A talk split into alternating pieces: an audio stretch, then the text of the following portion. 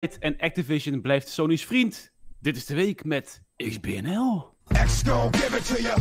Fuck wait for you to get it on your own. Deliver to you. Dames en heren, jongens en meisjes en non-binaire kijkers en luisteraars. Toch. Welkom bij de week met XBNL. Niet ZTF. De podcast waar je al het nieuws over onze geliefde Xbox voorbij hoort komen. Eh, van de afgelopen week. eh, en deze podcast stiekem de afgelopen twee weken. Mocht je al het nieuws echt direct willen lezen, houd dan onze website in de gaten. xboxnederland.nl En mocht je het gezellig met andere gamers willen, ouwe neden, gamen, praten, ouwe hoeren. Ga dan ook naar onze website en druk daar dan op het Discord logo om een invite te krijgen voor onze donders gezellige community. Blijf maar groeien. Het wordt steeds gezelliger. We hebben ook nog steeds eh, meer eh, moderators en zelfs hoofden van opleidingen. Eh, in dit geval van Seal Thieves. Dat is ongekend. Je kan er ook in de subkanalen even lekker een oproepen doen om samen te gamen. eh, of om even jouw meest zieke trickshot, kill of fotomode klikje te delen. Alles voor Jolijt en de Vertier.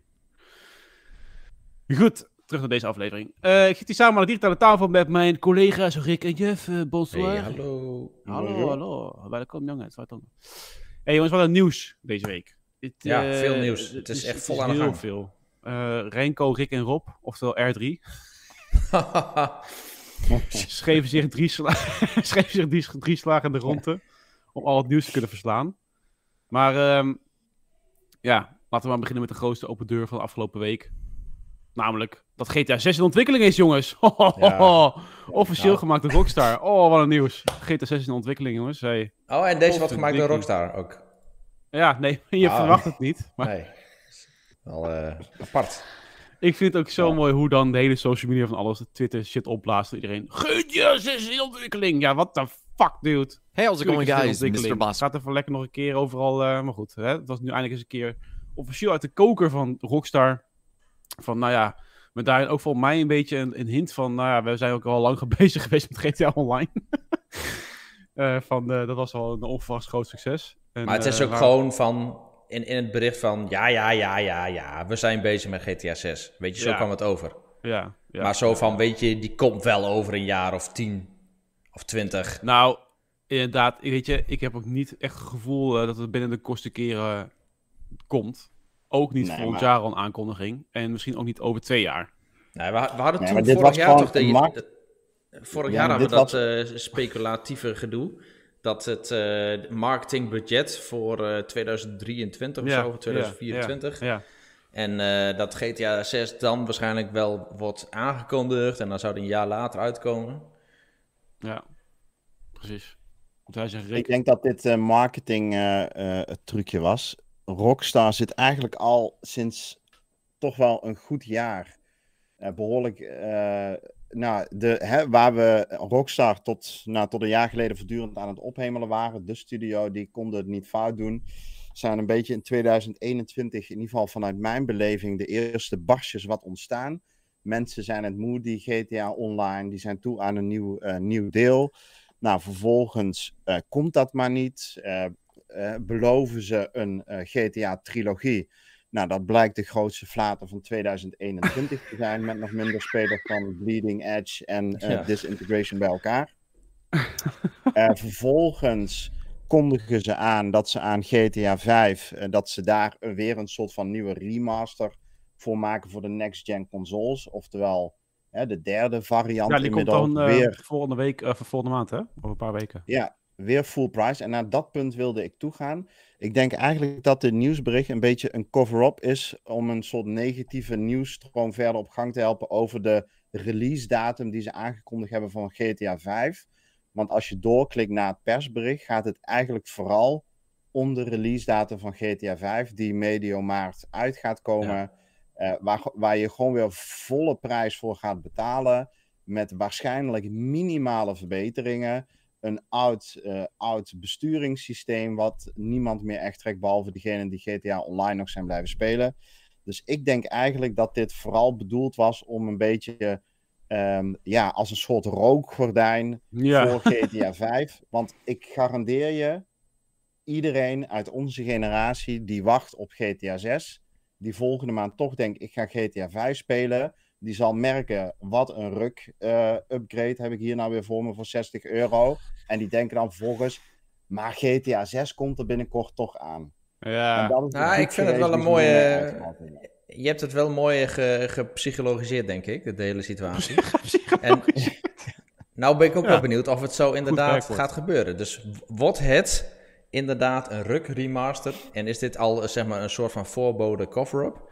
Of eh, ja. gaan we toch, want ja, we hebben nu toch die laatste remaster gezien. Ze hebben gezien hoe het niet moet. Ze hebben dit niet uitgesteld, Ja. dus ze gaan deze nu wel uitbrengen. Dus gaat het goed? Dus gaat het wel goed komen zo? En ik Nou denk ja, nog, om, om nog even aan je lijstje toe te voegen trouwens, Rick. eh, laten we ook niet vergeten dat aantal eh, grote sleutelfiguren bij Rockstar weg zijn in de tussentijd. Dus die hebben nog Ja. aan GTA 5, Red Dead Redemption 2 meegewerkt. En eh, die zijn nu weg. Dus eh, een, een aantal lead eh, personen, zeg maar vanuit de technische wereld. Eh, maar ook, eh, ja, inderdaad, Sam Houser. Wie was het? Een, van Ja, die, een van die broers die is weg. Een van de broers. ja. Ja. En die was toch verantwoordelijk voor het verhaal en voor de hele story. Ja, dat is ook wel het sterkste van GTA. Nee, Den Houser. Sam Houser is dan volgens mij overgebleven. Medeoprichter Den Houser vertrekt bij Rockstar Games. 2020 was dit. Ja. Ja. Ja. Ja, nee, dus dat. Nee, nou, ja, goed. Eh, ehm, kijk, we gaan het natuurlijk zien. En eh, in de basis is dit natuurlijk een fantastische game. En ook al hè, ehm, gaat hij dadelijk, misschien gaat het misschien tegenvallen met wat voor eh, upgrades ze doorgevoerd hebben. Dit blijft natuurlijk gewoon een legendarische game. Dus daar, eh, daar gaat het hem niet in zitten. Waar het hem in gaat zitten, is dat je je gaat afvragen is het terecht dat je hier weer opnieuw 60 euro voor betaalt? Of is dit gewoon een simpele poort waar ze een vrijdagmiddag voor de borrel nog even snel aan gewerkt hebben en die ze nu publiceren? en, en waar ze gewoon weer, want laten we wel wezen, deze week kwam ook het bericht uit dat de GTA-trilogie, dat gedrocht van een game, dat die 10 miljoen keer verkocht is. Ja, dat is echt 10 niet miljoen keer. Nou, GTA Ja. 5 die gaat dat nog eens een keer dunnetjes overdoen. Dus het eh, zorgt weer voor een enorme eh, instroom aan, aan geld. En ja, de Ja. vraag gaat zijn: gaat het dit waard zijn, die 60 euro of 50, weet ik veel, Nou dat ja, je ervoor gaat betalen? Ik denk het niet, Maar- want ze hadden voor mij een keer een Nee. trailer uitgegeven. En toen kregen we gelijk backlash van... What the fuck is dit, joh? Het ziet er alleen maar hetzelfde uit als, als gewoon... Als je nu gewoon GTA 5 op de Xbox Series X gewoon met een automatische upgrade speelt. Precies. Goed, Ja, en dan gaan mensen dus denken: ah, oké, maar ja, ah, GTA 6 komt er bijna- binnenkort aan. En dan is iedereen weer, eh, eh, dan vindt iedereen het prima dat ze voor 50 euro de boot ingegaan zijn. Ja, ik, ik, eh, ik, ja, ik verwacht nog in ieder geval minstens twee jaar, drie jaar, voordat die uitkomt, GTA 6. Want voor mij, eh, wat we vorige keer hebben gehoord ook over GTA 6, is dat hij nog best wel in een laatste stadium terug naar de tekentafel is gegaan. Ja. En, Ja, en laten we ook niet vergeten dat die GTA's eigenlijk keer op keer op keer hebben gepiekt. En dat is een streak waarvan iedereen nu vanuit gaat van... ja, weet je, de, de volgende GTA moet gewoon weer over GTA 5 heen gaan... qua kwaliteit, Ja. populariteit. En ja, dat, dat, is, dat kun je ook niet altijd maar hoog houden, dat. Nee, maar goed, ze gaan het toch proberen, lijkt mij. Dus met Red Dead Redemption 2, die is toch gelukt. Ja, ja, zeker. Nee, maar ze hebben gewoon een, een streak nu te pakken. Maar ja, Ja. dat kan niet eerder nou ja, goed gaan. en trouwens, misschien- eh, over sequels gesproken, ze zijn ook bezig met Bully 2, hè? Heb je Bully 1 nooit gespeeld? Dat was echt eh, jaren terug. Nee, Ja, dat is een rumor, toch? nee. Ja, sorry. Is, is, een- is een zeggen, ja. dat is zo'n never-ending rumor, is dat. Een Ja. soort Half-Life 3. Ja, precies. Ja, Bully 2, Half-Life 3 en eh, je hebt nog zo'n game die, die gewoon nooit komen. Ja, maar goed, dit gaat hier omdat Tom Henderson, natuurlijk de insider van, eh, die de, al vaker geruchten goed heeft, zegt ik blijf erbij dat er iets gaande is rondom Bully. Nou goed, Ja. kan het goed doen een Ah. fucking eh remaster zijn of zo. Maar goed, Nou goed. Bully was wel leuk. Anyways, GT6 dus, het blijft een soort Half-Life 3 verhaal. En eh dus mogen we ons vermaken met heel veel andere games. Ehm, eigenlijk wil ik een sprongetje maken naar het tweede deel van onze headliner, namelijk Activision. Die blijft Sony's vriend, maar er is gewoon heel wat eh tenminste, aan de hand of te vertellen over Xbox en Activision. En wat is daar überhaupt het verhaal, jongens? Wat, wat, is, wat is er gaande met die overname bij Activision en dan eventueel een App Store, blablabla? Ik ben benieuwd. Worden allemaal dingetjes voor de show? Nou ja, goed. Kijk, wat natuurlijk een beetje gonste de afgelopen weken was van ja, wat gaat eh, Microsoft doen met al die IP's?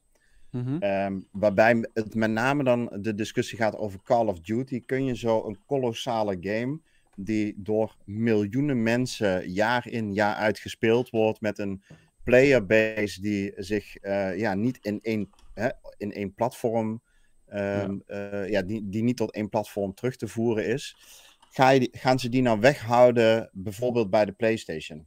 Ja, Nou, daar daarvan wisten we al dat eh, er zijn bepaalde afspraken gemaakt voor de komende twee, drie jaar. En daarvan heeft Spencer al direct gezegd, die honoreren wij. En eigenlijk hadden wij, hè, ook vanuit eh, XBNL, eigenlijk geen twijfel om aan te nemen dat het anders zou zijn. Omdat we bij Bethesda, hè, die ze natuurlijk vorig jaar hebben overgenomen, de bestaande deals zijn daar ook gehonoreerd. Mhm. Dus hè, dat vertrouwen is er wel. Maar toch dachten wij, tenminste ik dacht dat, ehm, van ja, die deal van 68 miljard, de grootste uitgave die Microsoft ooit gedaan heeft, die is dus gegaan naar de Activision Blizzard deal. Ehm, dat gaan ze doen voor hun eigen achterban. Met als doel natuurlijk om mensen binnen het ehm, Xbox en met name Game Pass ecosysteem te trekken. En daarvan eh, zegt zowel Activision als Microsoft nu van ja, dat is eigenlijk in ieder geval voor een aantal titels eh, van Activision eh, niet de bedoeling en ook niet ons plan. En specifiek gaat het dan ook over Call of Duty. Dus de boodschap daarvan is, die blijft gewoon op PlayStation uitkomen. Ja. En eigenlijk willen ze eh, die game, ja, dat moet een beetje de, de Minecraft treatment gaan krijgen. Weet je wel, toen eh, ehm, Microsoft in, wat is het geweest, 2011 of 12 of 13, Ja, zoiets, ja. ja. Mojang heeft overgenomen. 2008 misschien alweer. Ja, hè, hebben ze ook eh, Minecraft was het doel naar zoveel mogelijk platformen brengen. En van alle consoles naar PC's, naar allerlei eh, ja, subsystemen of eh, aanbieders, zeg maar. Eh, daar is het uit, uit- blijven komen. En ehm, ja, voor wat betreft Call of Duty moet dat eh, ook zo gaan gelden. Ja.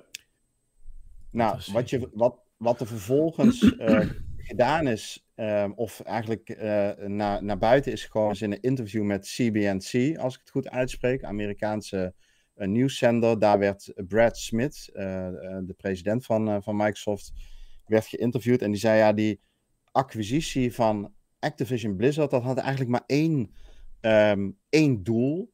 En dat is content genereren voor een nog te ontwikkelen universele app. En dat is eigenlijk de endgame waarmee Microsoft op dit moment bezig is. Die willen een app creëren waar binnen alle first-party content van Microsoft aangeboden kan worden. En die universeel is. Dus over dat- alle platformen, over alle apparaten en devices, overal ehm, eh, ja, moet je daar terecht kunnen. En deze deal past in dat toekomstperspectief. Ja, en dan hebben we het over een App Store, wat ze willen ontwikkelen. En eh, dat klinkt misschien wel een beetje als een rare, want in ons perspectief, dus van ons als consumenten, afgelopen tien jaar, dat wij werken met eh, Apple-telefoons en Android-telefoons, is dat je op de Apple heb je altijd de, de Apple Store, op de Android heb je altijd de Google Store. Ehm, alleen daar is dus de afgelopen jaren met al die rechtszaken wel flink verandering in gekomen. Want Ja. eh, daarvan ja, is ook dus juridisch gezegd van ja, al die partijen die bevinden zich in een soort van monopoliepositie op hun eigen platform.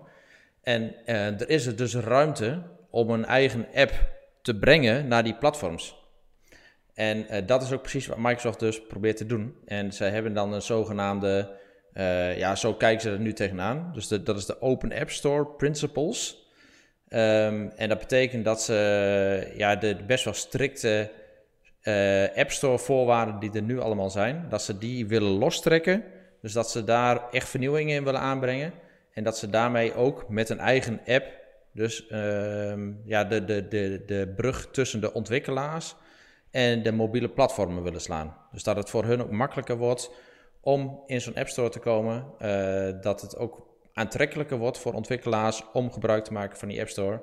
En eh, ja, hoe dat er precies uit moet komen te zien, ja, dat, dat moeten we nog gaan zien. Van ja, eh, gaat Microsoft echt met zijn eigen app komen op eh, een PlayStation Store? Of hebben we het echt over een iOS of een Android bijvoorbeeld? Ja.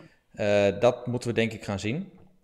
Maar ehm, ik denk dat Microsoft hiermee al wel één stap in de toekomst aan het kijken is naar hoe je daar goed mee overweg kunt gaan. En ja, op zich ook interessant om te zien dat het gewoon goed is voor ontwikkelaars. Want ontwikkelaars moeten nu gewoon standaard 30% van hun inkomsten afdragen aan de eigenaar van de App Store. Dus die moet Ja. gewoon 30% aftikken aan Apple of aan Google. En veel daar is. wil Microsoft wel verandering in brengen. Dus dat zij eh, nou ja, eh, minder hoeven af te dragen.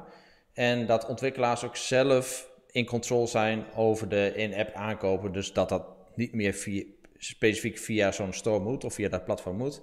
Maar dat ze dat ook zelf kunnen doen. Dus dat dat allemaal wat flexibeler en open is. Zodat het wel past in, die, eh, in, de, in de, de regels die nu zijn gesteld. En eigenlijk alle kaders die de afgelopen jaren juridisch zijn gevormd met eh, al die rechtszaken. Ja. Ik vraag me af verder over, ehm, want ehm, met als gevolg van die overname is er ook best wel wat kritiek op Microsoft gekomen. Ehm, internationaal, maar ook in Nederland. Onder andere eh, de, de ontwikkelaars van Total Mayhem Games. Ehm hè, er was een NOS-artikel afgelopen week over. En die gaven ook aan, toch wel ook wel met enige zorg. En dan interpreteer ik het even vrij, dus ik hoop dat ik eh, hun eh, hierin goed verwoord. Maar die gaven aan dat ze ook wel met enige zorgen naar deze acquisitie kijken. Omdat vanuit hun beredenatie de zorg zit dat de indie games, de kleinere games, steeds minder zichtbaar worden. Je wordt zichtbaar als je in de Game Pass zit. Val je daar buiten, lukt het je niet om hè, met zo'n grote subscriptiedienst als Game Pass in zee te gaan, dan gaat het alleen maar moeilijker worden om jezelf als, eh, als kleine, kleine, relatief kleine studio eh, te positioneren en je game onder de aandacht te brengen. Zeker wanneer dus zo'n partij als Microsoft met zo'n subscriptiemodel als de Game Pass over zoveel platformen zit. Natuurlijk een enorme PR-machine heeft. Ja, en dat gaat dan misschien ten koste van die kleinere studio's. En dat was een. ehm, nou goed, in eerste instantie natuurlijk als consument en als gameliefhebber reageerde ik heel enthousiast op dat nieuws een paar weken geleden. Maar toen ik dat hoorde. En ook die, eh, hoe heet ze nou? Luc- Lucie de Visser heet ze dan, geloof ik, hè, van eh, Total Mayhem. Ja. Eh, dacht ik van ja, dat, da- daar zit inderdaad wel een risico. En toen ben ik ook eens gaan- verder gaan kijken. En toen zag ik onder andere in de UK, maar ook in de US, waar hè, onder andere de BBC had ook een soort vergelijkbare reportage gemaakt en wat achtergrondonderzoek gedaan. En daar komen eigenlijk vanuit de indie-wereld allemaal een beetje van dit soort zorgen en verhalen naar voren. Ehm, dus ik, ik ben wel benieuwd, zeg maar, of die App Store, en dat is misschien niet, eh, hè, de- misschien hebben we daar nu ook niet het antwoord op, maar ik ben wel benieuwd of, de, of die App Store die zorgen weg zou nemen. Als dat de toekomstmuziek is. Ja, ja het, ik, het moet allemaal gewoon wat meer open worden en wat meer eh, eh, toegankelijker. Ja, Ehm, Precies. En ehm, ja, maar dat, dat geldt ook voor al die app stores tot nu toe. Eh, dus niet alleen die van Apple en die van Google, maar ook bijvoorbeeld een zo'n Steam als platform. Ja, Steam. Maar Ja. daarom is toch Epic Games toen op mijn eigen platform gekomen, want Steam was gewoon te veel. Moest veel te veel Ja, precies. En als je je game populair wil laten zijn, dan moet je echt flink betalen ook. Om hem Ja. zeg maar, in de lijst te krijgen. Want het enige wat telt in de stores is dat je op de frontpage staat. Als je niet op de frontpage staat, dan ben je nobody Ja. eigenlijk. Ja. Ja, Ja. ja, ja, ja. Nou, daarvoor moet je betalen. Betalen pannenkoek. We gaan even eh, wel in de lijn van Activision blijven met eh, wat eh, Call of Duty nieuws. Want Activision bevestigt dat een nieuwe Call of Duty wordt gemaakt door en Infinity Ward. En Infinity Ward, hè, het zijn altijd drie studio's, als ik het goed heb. Maar Sledgehammer, Ja. Infinity Ward en... Weet niet meer. Treyarch. Shit. Ja, Dat is werk, ja. Lekker, dank je. Eh, nou, Infinity Ward is, de laatste, eh, is laatst gekomen met de Modern Warfare eh, reboot. Dus ehm, volgens mij skippen ze daarmee. Voor mij één van de drie. Maar goed, anyways. Het zou dan waarschijnlijk gaan naar Modern Warfare 2. Tenminste, dat zijn de geruchten in de wandelgangen. Dat ze dan ook gelijk die gaan rebooten. Ehm waar je met je de strijd aangaat met de Colombiaanse kartel. Nou ja, goed.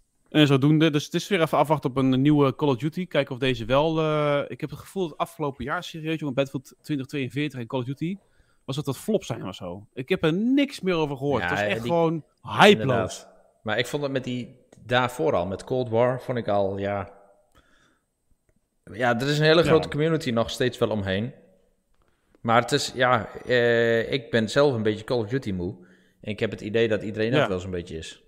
Ja, maar ook als je kijkt naar zo'n jaar qua games, jongen, die, die indie Steel the Thunder van dat soort grote games. Want die grote Ja. games zijn voorspelbaar en ik hoor mm, ja, niet heel veel over Battlefield, heel veel positiefs in ieder geval. Ik heb het zelf geprobeerd, ik heb het weer weggelegd ook. Dus eh, wat Ja, ik is wel misschien veel ook wel een, misschien Ja. ook wel een generatieding. Hè, dat wij eh Nou, ja. g- gaandeweg misschien ook wat anders in, eh, in games zoeken. Als je bijvoorbeeld kijkt naar Warzone, ja, ik denk, nou ja, Je- Jeff, je hebt er nog wel even gespeeld, toch, Warzone? Ja, ik ook. Jazeker, dat is ook wel. Oké. Nou, Ja. dat is ook het enige innovatieve wat, wat Call of Duty heeft laten zien. Ja, vind ik dus ook. Want die was echt Ja. knijtersterk, weet je wel. Dat is gewoon echt zo van, nou, dat hebben, echt, dat hebben ze gewoon fucking goed gedaan. En eh, goed uitgevoerd. En dat is rijp voor vernieuwing. Waar trouwens ook, gelijk een brugje naar een ander artikel. Daar komt nu een soort van seizoen 2 voor eh, uit. Met eh, nieuwe maps, toevoegingen en, eh, en noem, noem maar op. Ja. Hebben ze toch al? En dat is- we, we- vind we ik- hebben toch al seizoen 2 gehad met Warzone? Even kijken. Ja, serie gaat om, van eh, Warzone Pacific seizoen 2. Pacific. Oh, Pacific. Ah, ja, precies. Pacific. Ja. 14 februari is die eh, uitgekomen volgens mij. Ja, want Ja, we dus, hebben nu, eh, dat is wel dat, leuk. dat is dan op basis van Vanguard. Ja, Warzone, ja, precies. Ja. nou goed, maar dat is wel eh, leuk. Ja, Ik heb het niet verder meer opgepakt door daarna, de Warzone. Maar het was aan het begin eh, wel heel erg tof. Dus ehm, nou, voor de fans ook wel leuk dat er weer... Maar moet je dan met Warzone moet je dan Vanguard hebben om dan dat gedeelte van Warzone te spelen? Nee. Of is het dan... Nee, Warzone is altijd free to play. Dus eh, je kunt die gewoon los downloaden. Nice. Ja. Eh, genoeg over Call of Duty. Ehm, door naar een andere grote franchise. Namelijk Resident Evil. Resident Evil 3 Renko. is namelijk voor mij, eh, ja, en Renko die heeft de pleuris geschreven Evil. Die denkt van, jongens, wat, we hadden, het, we, hadden over, we hadden het voor de show erover volgens mij. Van, eh, dan zegt Rick van, ja, ik snap niet dat dan eh, Rick, Renko heeft dan met eh, Resident Evil, voelt zich schuldig dat hij zoveel artikelen over Resident Evil heeft geschreven. Terwijl dat heb ik helemaal niet met Sea of Thieves. Nee. Nou ja, nee, die Rick Ik die... voel me schuldig als ik een dag er niet over post. ja, precies, ja. ja. Nee, Resident Evil eh, 3 die is 5 miljoen keer verscheept. En ehm, daarbij komt ook nog het nieuws dat Resident Evil 4 een remake krijgt. Een, een grondige remake, met echt waar ook die wat creepier is en wat meer in de lijn van de afgelopen titels. Dus eh, ik ben heel benieuwd. Dan zou je toch best wel wat meer werk moeten steken dan een eh doorsnee remake. Nou goed, als je Nou, dat Resident kunnen Evil ze wel 1, 2 en goed. 3, hebben ze dat al bewezen dat ze de remake grondig aanpakken. Precies. Ja. Ja. Dus ehm, dat is wel erg tof. En dan eh, krijgen we misschien wel ja, een soort nieuwachtige Resident Evil 4. eh, met ja, misschien nieuwe mechanics erbij ook wel. Dat was wel heel erg tof. Ja. Ja, Dimas zegt het is nog niet officieel bevestigd. Nee, dat, dat klopt inderdaad. Ehm, dat moet komende weken, naar verwachting, moet daar een bericht over komen. Ja, en eh, ja, wel we kunnen er ook naast zitten. Dus, eh, maar goed, we hebben het hier wel over Renko, hè? Die de, eh, wat, uh, wat had hij nou? De Jeff Grubb Ja. Award? Ja, dit is, eh, ik zal het eventjes eh, bijpakken. Eh, voor mij eh, zei de... Oh ja, daar durf ik mijn topanalystenstatus binnen XBNL om te verwedden dat het ook echt gaat komen. Dus eh, nou, als Rink oké, wat zegt, kijk. dan is het gewoon bijna een feit. Dus dat scheelt. Ja. Nee, maar hij heeft wel gelijk. Het is gerucht. Het is daar nog geen eh, bevestiging van. Maar goed, ehm, het was voor mij het zoveelste gerucht al dus. Op een gegeven moment, hè. Waar rook Ja. is, is vuur. Ik, ik zie trouwens in de chat dat eh Picnic, die heeft daar gezegd van 60.000 Battlefield-spelers willen hun geld terug hebben. Dus ik denk van, oké, ja, er is nou, een dat petitie online gaande. Dat Ja. is een interessante. Want eh, ja, die game is gewoon ook... Ja, ik weet niet wat jullie de ervaring mee is. Nou, laat ik dat gewoon eens vra- vragen. Wat is jullie ervaring met die game? Jullie hebben hem ook geïnstalleerd, toch? Of in ieder geval Niels. Eh, ja, maar ik heb het voor mij met een free-to-play weekend eh, gedaan en, en in de beta. Maar eh, that's it. Ik vond het gewoon niet zo erg boeiend. Ik weet niet. Nee, ik vond echt, echt, ja, gewoon heel slap, joh. Ja. Geen vernieuwing, geen, weet je wel, die maps vond ik ja, niet heel erg boeiend Nee, of maar zo. eh, grafisch was Battlefield met DICE Engine en zo, weet je, was altijd top of the bill. Nou, dat sloeg helemaal nergens op dit. Ja. Nou ja, dat, Ja. ja. dat, dat zou ik ook niet zeggen of zo, maar Nou, in ieder geval had dat niet wel. de magie die ik eh, normaal verwacht of zo. Ik weet wel, dat Rob doet het wel gewoon regelmatig. Ja, maar ja, die geeft niks om graphics. Dus dat telt niet. Hockey Simulator. ik vond de graphics zwaar tegen wel eens een pot ik. Ja, nou, Ja, als Brot nou ja, dat dat zegt. Ja, echt hè? Maar eh, nee, ja, was. Maar wat vind jij ervan? Ja, je vond het dus tegenvallen. Maar ja, goed, die petitie Ja. gaat dan echt over geld terugvragen. Dat vind ik wel gelijk al even heel erg extreem of zo. ik wil mijn geld terug. Nou, ik denk dat mensen wel, eh, want dan heb je het ook een beetje over dit, eh, het, het cyberpunk gedoe. Dat Ja. mensen gewoon een beetje zich voorgelogen voelen. Nou, ik kan me dat voorstellen bij Battlefield. Want je hebt van allerlei filmpjes gezien met heel veel actie, Ja. eh, supersnelle gameplay, eh, fantastische mooie beelden. En ja, dat, in de praktijk komt daar weinig van eigenlijk. Dus, Ja. Vooral veel bugs, slechte graphics. En- nou ja, en, dat is het ja, inderdaad. trage gameplay eigenlijk. Dat is wel een punt. Want als je dan speelt, denk van... Maar wacht even, dit is helemaal niet wat de trailers hebben laten zien of zo. Ja, niet... exact. een beetje een cyberpunk-achtig verhaal. Gewoon eh, dan denk je van, oh, dit is allemaal... En dan, dan loop je in cyberpunk in de wereld denk van, hm, what? Ja. En over Cyberpunk gesproken, die schijnt tegenwoordig weer heel goed te zijn. Dus die wil ik eens een keer weer gaan oppakken. Ik, nou ze, ja, ze maar die, hebben een mega eh, patch uitgebracht. ja, maar die update is nog steeds niet uit, hè, van Next Gen. Oh ja, ja next gen nog nog niet. Dus ik zou nog Maar ze zijn ondertussen zijn ze ook echt met gameplay updates bezig. En we weten dat in het begin hebben ze allemaal van die kleine updates gedaan. eh, de eerste paar maanden. Dus daar hadden ze toen wel flink aan gewerkt. En toen is het gewoon ja, een half jaar lang helemaal stil geweest. En nu hebben ze een mega-update aangekondigd met alles waar ze dan het afgelopen half jaar mee bezig zijn geweest. En eh, daarin willen ze zich echt wel weer gaan redeemen. Ja. Dus eh, ja, ik ben benieuwd. Ja, ik ben ook echt benieuwd. Want op zich, ik heb hem gespeeld, uitgespeeld. Eh, ik zou nog een keer spelen, denk ik wel. Want je kan met drie soorten beginnen, hè? Met drie soorten Ja. starts beginnen. Maar ja, dat was dan ook zo flop. Want dan is het, die eerste, het eerste uur is dan... Ja, nee, Anders. is het twee, drie uur. Ja, is anders. En that's Ja. it. Ja.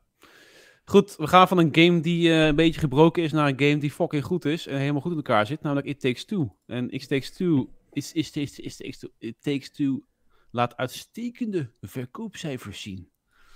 En eh, dat dat, is zal. ook wel leuk, want het is een, een vrij tamelijk kleine studio natuurlijk hè, van eh, It Takes Two. Dus het valt wel onder de vleugel van EA trouwens, maar goed. Vijf miljoen keer verkocht, jongens. Ja. Vijf miljoen keer. Ja, dat is nog Ja, nee, minder is dan die GTA goed, remaster. Wat zeg je? Ja, dat, is, dat is nog minder dan die GTA eh Ja. 1, 2 en 3 remaster. Ja. Ja, Ja, maar goed. eh, ja, dit, dit is natuurlijk gewoon goed nieuws voor Hazelite. Eh GOTY binnen de XBNL community. Hè? Eh, Ja. It Takes Two. GOTY voor de, de Game Awards. Iets minder bekend misschien, maar toch ook eh, niet onverdienstelijk. En Ja. eh, nee, hartstikke goed. En eh, wat trouwens wel leuk nieuws is, is dat deze game, It Takes Two, ook verfilmd gaat worden. Exact, ja, precies. En, ehm, eh, en ik denk eigenlijk, die, die gaat zich daar heel goed voor lenen. Dit zou een hele leuke animatie cartoon Ja. tekenfilm kunnen worden. Eentje van Pixar of wat? Ja, nou ja, nou goed, ik weet niet. Nou, nee, dat wordt het niet. Ik heb even de, de studio die hier aan gaat werken even niet paraat. Het zijn er ook niet zo heel veel. Maar, nou ja, goed, kijk, het is natuurlijk gewoon een heel. ehm, ja, het is gewoon een heel leuk en goed verhaal. Met Ja. hele mooie dynamische werelden. En ik kan me voorstellen dat, ja, dat zich dat leent voor op het witte doek. Het is Dus gaat ik, trouwens eh, om eh, kan- DJ2 ja. Entertainment. En die hebben onder andere gewerkt aan de film Sonic the Hedgehog. En het aankomende tweede deel. En de Tomb Raider anime-serie van Netflix. Maar dat wordt dan een animatiefilm, neem ik aan. Ja, dat lijkt mij wel, ja. Geen real-life eh, vertaling van It Takes Two. Misschien, Ja, eh, dit wel. misschien wil eh, Glenn wel de voice acting voor dat olifantje doen. dat is zo van over het uit. doing? Ja, eh, Ja. We kunnen het hem eens vragen. Misschien kan iemand Glenn dat even vragen. Ja. Ja, ja, ja, ja. Ik zag dat eh, Tim Schafer, die sprong er wel direct op in. Die zei van, eh, dat is de maker van Psychonauts en Psychonauts 2. Ja. Die zei al wel van, eh, ik hoef geen film voor mijn game. Ja. Niet? Jammer, Nee, jammer. Nou, Tim, er was ook nog niemand die dat gevra- nee gevraagd had. precies. Ja, maar ik, ik las dat ook en ik dacht van ja. eh, Ja, ik, ik snap niet waarom je daar op die manier op zou reageren. Ja, precies. Ehm, Wees gewoon blij van een ander, joh. Ja. Ja, precies. Dat, dat denk ik ook. En het was ook een beetje een week waarin, waarin van verschillende games aangekondigd is dat er, een, eh, ja, dat er mogelijk een, een verfilming van komt. Met name aan de Sony-kant. Onder andere, welke studio was er nou alweer? Nou ja, goed, ik eh, kom er denk ik nu even niet op. Maar eh, er waren meerdere van dit soort berichten. En dan denk ik, ja, oké, nou weet je, het hoeft niet. Je hoeft dat. Je, kan- er zijn ook momenten dat je gewoon dat je het voorbij kunt laten gaan. ja. Had ik Ja. zin onthouden. ja, precies. Ja. Die momenten zijn er, grijp ze aan. Ja. Ja. Ehm, goed, we gaan van It Takes Two naar Ubisoft. Ubisoft, eh, twee dingen. Dus de laatste DLC van Far Cry 6 is verkrijgbaar. Ehm, eh, dus dat is ook een beetje aan een einde aan het komen. Ik moet zeggen, ik moet de game nog spelen, Far Cry 6. Dus ik ga hem ook echt pas volgend, ik denk eind dit jaar spelen of zo. En een soort van uitverkoop Ja, ik van ook de nog, ja. franchise. Eh, dit is dan... Of ehm, ik wacht tot het in de vault zit. Dit is van die eh, eh, hoofdperso hoofdpersonages dan, van de vorige delen. Is dit de laatste? Ja, precies. De Ja. antagonist van de vorige drie Ja, het delen. zijn allemaal, allemaal roguelite eh, DLC's. Dus we zagen in de eerste vaas, in de tweede heb ik even niet scherp en in de derde Ja. Joseph Seed. En ehm, ja, je, het is echt typische roguelike. Dus je start, je moet proberen zoveel mogelijk te ontrafelen. Oh. Je gaat af, je maakt dus wel, je maakt wel wat progressie, waardoor je net even iets sterker aan je volgende run begint. En je probeert eigenlijk op die manier wat meer. Het, het is Ja? een heel gefragmenteerde eh, DLC's waarin je probeert wat meer van het character te begrijpen. Het zit op zich best leuk in elkaar. Ik vind het persoonlijk wel jammer dat ze alle drie die DLC's gewoon. Het is eigenlijk gewoon een copy-paste. Hetzelfde. En ja, misschien. Nou, doen ze bij Ubisoft normaal gesproken nooit. Nee, ik wou net zeggen, misschien moet ik ook dat niet verwachten van Ubisoft, maar goed, ik vond het wel jammer. En Oh, ik had la- Far Cry ja. 6 gesproken, jongens, ga hem spelen. Hij is gewoon leuk. Het is gewoon een goede. Ja, ik, en ik heb zelfs als. Niels, ik wacht echt wel op een sale. En dan vermaak ik me Ja. zeker wel met deze game. Ja, ik had echt nul incentive om die vanaf het begin te gaan spelen. Ik dacht van ja, doei, het zal wel. Ik ga al later spelen als de bugs eruit zijn. Dan misschien wel nog een update heeft gekregen voor die graphics, graphics of zo. En ik heb, heb eh, we gaan het zo meteen hebben over Dying Light 2. Maar ik had laatst al een burn van eh Dying Light 2 naar Ubisoft. Dat was wel mooi. Dat je op een gegeven moment aan het begin van de game kom je bij de antennetoren. En dan zegt die hoofdko- eh, hoofdpersoon zegt van, eh, nou, gelukkig hoef je niet in de antennetoren te klimmen. Nee. ja, Dikke mooi is dat, verwijzing ja. naar Ubisoft games. Ja, ik vond het echt wel een mooie easter egg. Ja. Maar goed, eh, en het tweede nieuwtje is dat een Assassin's Creed eh tussendoortje in de maak is. En eh, er moet natuurlijk een grotere Assassin's Creed aankomen in de vorm van Infinity. Of ja, Infinite, ik weet niet hoe het heet. Infinity. Ehm, ja, waar, ze volgens mij een soort van Hitman, Hitman gaan poelen. En Hitman was ook ooit bedoeld om gewoon eigenlijk alleen maar via DLC dingen toe te voegen in plaats van elke keer een nieuw deel. Ehm, het spel met codenaam Rift, wat ze dus willen gaan uitbrengen, was oorspronkelijk een uitbreiding voor Assassin's Creed Valhalla. Maar eh, die hebben ze dus op een gegeven moment gewoon opgevoerd tot volledig spel. Al dus de anonieme bronnen binnen het bedrijf. Dus eh, het is een gerucht wederom. Ik zal het eventjes benadrukken. Maar in het wordt een kleintje, die als het, dit. eh, ja, kleintje of voor mij de eh, DLC voor Valhalla. Ik nog steeds niet gespeeld, maar het zijn volgens mij best wel Ja. vlezige stukken hoor. Het zijn best, voor mij best wel uitvoer, tenminste uitgebreide DLC. Eh, ik denk dat we te maken hebben met een eh, Red Dead Redemption Undead Nightmare-achtig formaat. Die ook wel best wel terecht standalone was uiteindelijk. Toen jaren geleden. Maar goed, het zou ook ga- gaan om hoofdpersoon Bazim. Dus uit, uit Valhalla. Ah, ja. En ze zeggen al gelijk van het is geen groot open wereld roleplaying game, maar het is eh, meer stealthy gameplay. En het staat gepland voor later dit jaar of 2023. 2000, ja, 2023. En ehm, het wordt uitgebra- uitgebracht voor de nieuwe Assassin's Creed Infinity. En dat wordt dan de, een ambitieuze online service game die meerdere historische settings zal bevatten. Ja, dat moet gewoon een grote Assassin's Creed hub gaan worden, volgens mij. Ja. Eigenlijk voor mij ze dan de hub verwezenlijken die ze ooit zijn gestart in Black Flag. In Black Flag, als je dan zeg maar, in de echte wereld speelt, dan loop je opeens bij een bedrijf waar ze Oh, ja. inderdaad dus... Waar je, ja, Abstergo, waar je gewoon eigenlijk al die tijdperken gewoon kan spelen. Waar je gewoon characters hebt, aan hebt, eh, vast hebt geplakt. En eh, waar ze zeggen van, nou ja, we maken daar een commercieel iets van. Maar dat ze worden dus... Ubisoft wordt gewoon zelf Abstergo. Ja. Maar is ja, inderdaad. En dat is de evil corporatie, is dat, hè? Ja, Ze zijn hun eigen vijand. ja precies.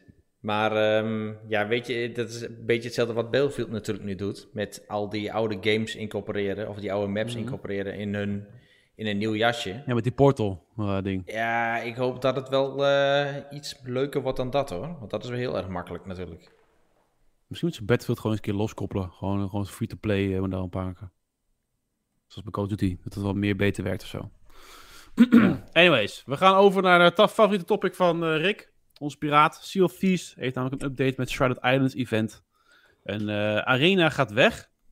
Arena is een eh, functie binnen, tenminste een mode, een modus binnen Sea of Thieves. ehm, waar je met GP tegen elkaar vecht voor of een schatkist of weet ik wat allemaal eh, in, in die wereld. Alleen ja, Ja. het aantal spelers liep onge- eh, enorm af voor die modus. Waarbij het team heeft gezegd van ja, we gaan daar geen aandacht meer aan besteden. Sterker nog, we gaan hem weghalen.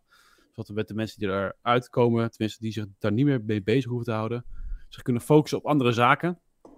We hebben het daar uitgebreid over gehad gisteren in onze Tavern Talk Thursday. Dus ehm, dus daar zou ik zeker eventjes eh, eh, naar luisteren en bekijken. Want het was alweer meer dan een half uur.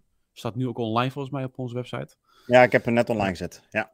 En, eh, maar goed, de franchise heeft natuurlijk, die gaat een richting op. We hebben het voor mij vorige keer ook al een beetje over gehad. eh, die wij wel heel erg fancy vinden. Namelijk dat je dan gewoon wat meer lore-uitbreidingen krijgt. Wat meer maandelijkse updates met elke keer een nieuw verhaal. En dat is voor mij nu gestart met de Sharded Islands event. Toch? Ja, nee, ja, nee, nee, nee klopt, ja, klopt helemaal. Dus die, eh, ehm, het, het is best wel uniek. Eh, de seizoenen blijven, dat even misschien voor de context. Hè. Dus iedere drie maanden begint er weer een seizoen met 100 levels. En binnen dat seizoen kun je natuurlijk allemaal deeds completen om te levelen. Eh, Ja. En vaak afgelopen jaar, eh, of eigenlijk afgelopen jaren, voegden ze daar dan een soort van nieuwe events aan toe. En dat waren dan eigenlijk gewoon manieren om wat gold en XP te farmen. Ja. Ehm, af en toe zagen we nieuwe Telltales komen, eh, waarbij de anniversary update uit 2019 natuurlijk de grootste klappen was met negen Telltales, nieuwe Telltales. Eigenlijk voor het eerst verhalende content in Sea of Thieves.